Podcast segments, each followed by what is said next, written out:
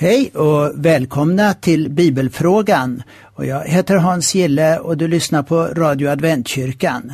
Ja, vi går direkt på första frågan idag här. Och eh, den lyder så här. När Jesus blev döpt av Johannes döparen så blev det ju en kortare diskussion dem emellan om hur lämpligt det egentligen var att Jesus blev döpt. Så vad är egentligen betydelsen i dopet? Ja, som du kanske vet så Johannes döparen han beskrivs som vägröjaren, han som skulle förbereda vägen för Messias. Det skulle göra det lättare för människorna att upptäcka att Jesus var Guds frälsningsväg för dem. När Johannes döpte vid Jordanfloden så kom Jesus dit och han begärde att han skulle få bli döpt av Johannes. Då nu Johannes precis hade pekat på Jesus när han kom ner emot stranden och sagt Se Guds lamm som tar bort världens synd. Så blev det ju lite konstigt att han i nästa stund skulle döpa honom. Det lamm som eh, offrades i templet på den här tiden skulle ju vara perfekt. Helt utan någon skada eller problem. Men när man i vissa tider under Gamla Testamentet slarvade med hur offerdjuren såg ut så poängterade vissa präster och profeter att det här, det var verkligen inte acceptabelt inför Gud.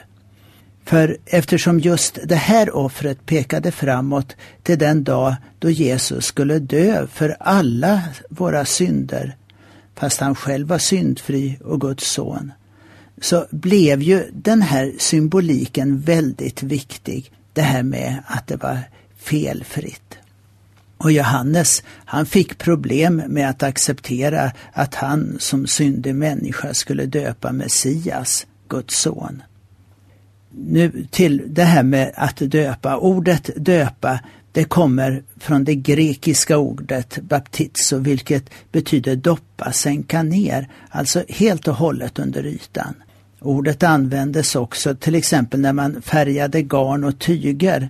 Den som någon gång hållit på med att färga vet hur viktigt det är att allt materialet kommer ner helt och hållet i färgbadet.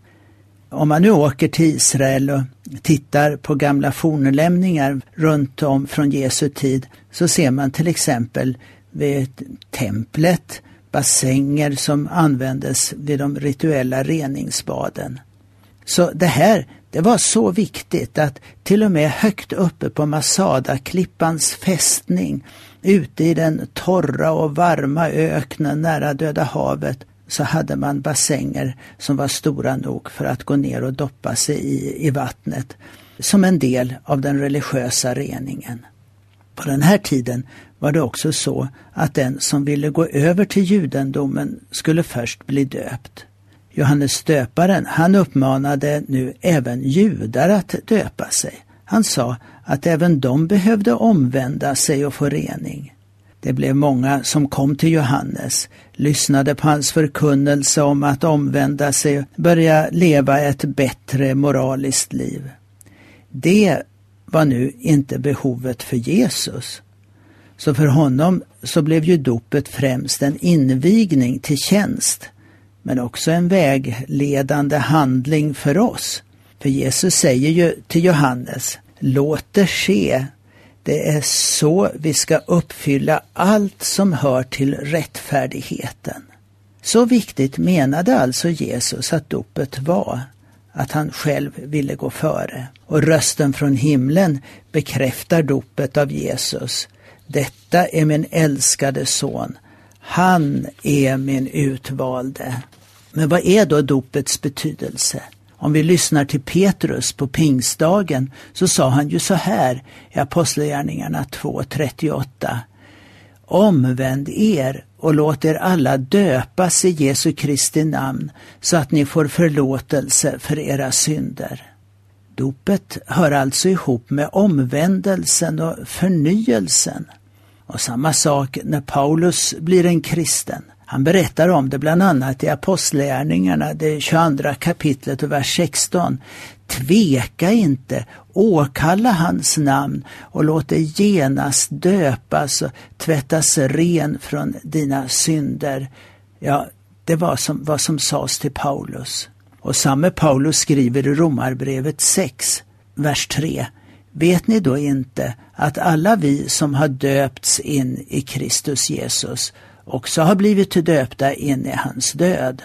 Genom dopet har vi alltså dött och blivit begravda med honom för att också vi ska leva i ett nytt liv, så som Kristus uppväcktes från de döda genom Faderns härlighet.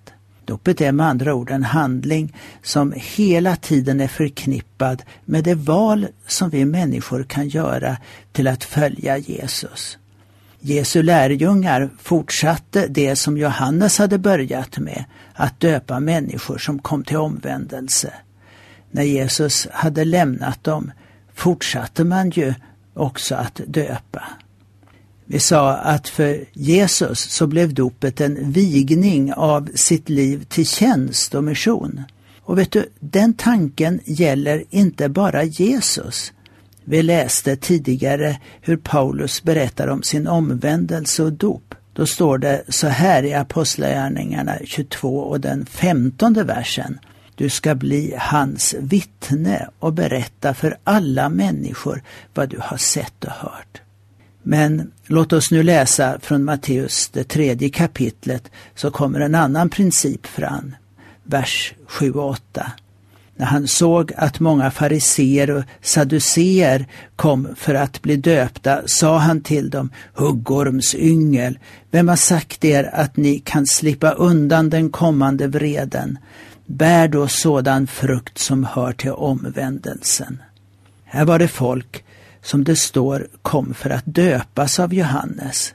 Helt tydligt såg inte Johannes själva dopet som det viktigaste utan att det verkligen fanns en förändring i tanke och gärning. Det är med andra ord inte något magiskt i själva vattnet. Det är framför allt det som sker mellan mig och Jesus och att den helige Ande verkligen får komma till med sin andliga frukt. Det är det som är det viktiga. Johannes, han vill se en tro som inte bara syns på ytan utan är äkta rakt igenom. Kärleken till Gud och medmänniskan, ja, det måste gå hand i hand. Och det är sedan ju hela Nya testamentet genomsyrat av den här äktheten. Och så har jag en eh, fråga till som har kommit som lyder så här. Jag lyssnade på ett program där man pratade om oro i själen och det själsliga. Jag fick en gång lära mig att själen är hela den mänskliga skapelsen. Och eh, så ger du här första Mosebok 2 och 7 och skriver också att det är folkbibeln från 98. Så min fråga är, är själen och kroppen åtskilda och i så fall, vad är själen? Ja, vi har säkert varit inne på den här frågan tidigare, men det finns alltid lite olika vinklar på frågorna som är ställda. Och nu hinner vi bara nosa på ämnet, tyvärr. Vi får återkomma. Du nämner första Mosebok 2 och 7 och särskilt då folkbibelns översättning från 98. Och så här står det just där. Och Herren Gud formade människan av stoft från jorden och blåste in livsande i hennes näsa. Så blev människan en levande själ. Man har här samma översättning som i 1917 års bibel. Ordet själ alltså. Men går du till folkbibeln från 2015 så står det istället så blev människan en levande varelse. Samma uttryck används också av Bibel 2000.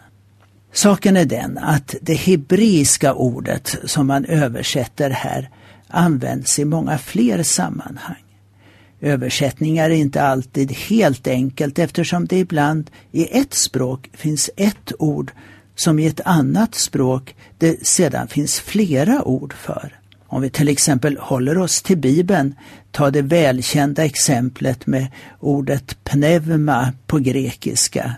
Vi har det som låneord i svenskan när vi säger att något är pneumatiskt, alltså styrt eller drivet med luft.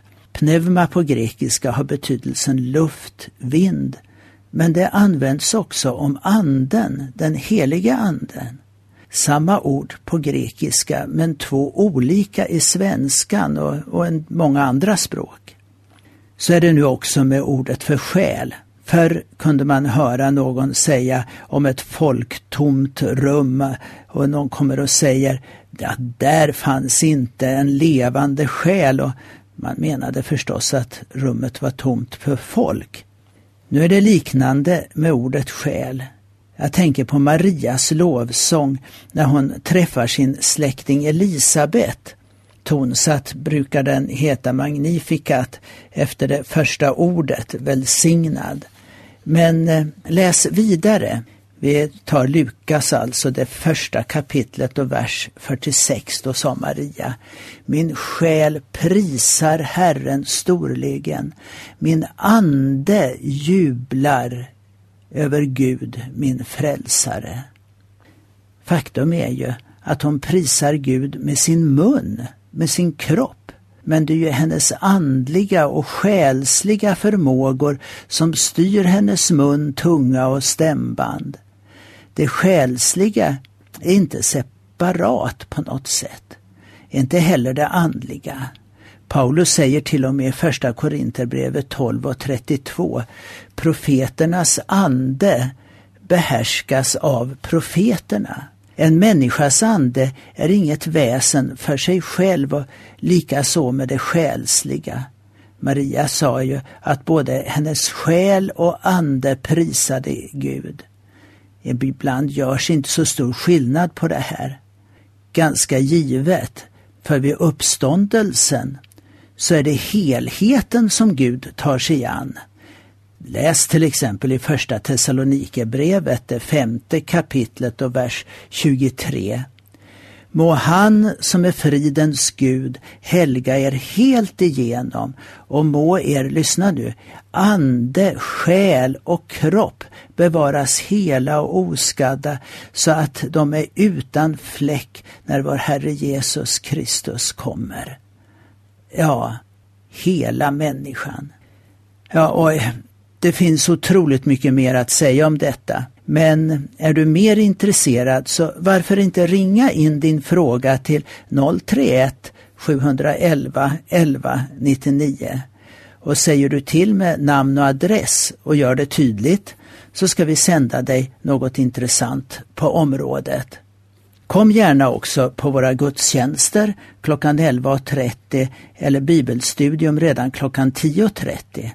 Adressen den är som vanligt Norra Allégatan 6 nära Järntorget i Göteborg. Jag heter Hans Gille och du har lyssnat på Radio Adventkyrkan.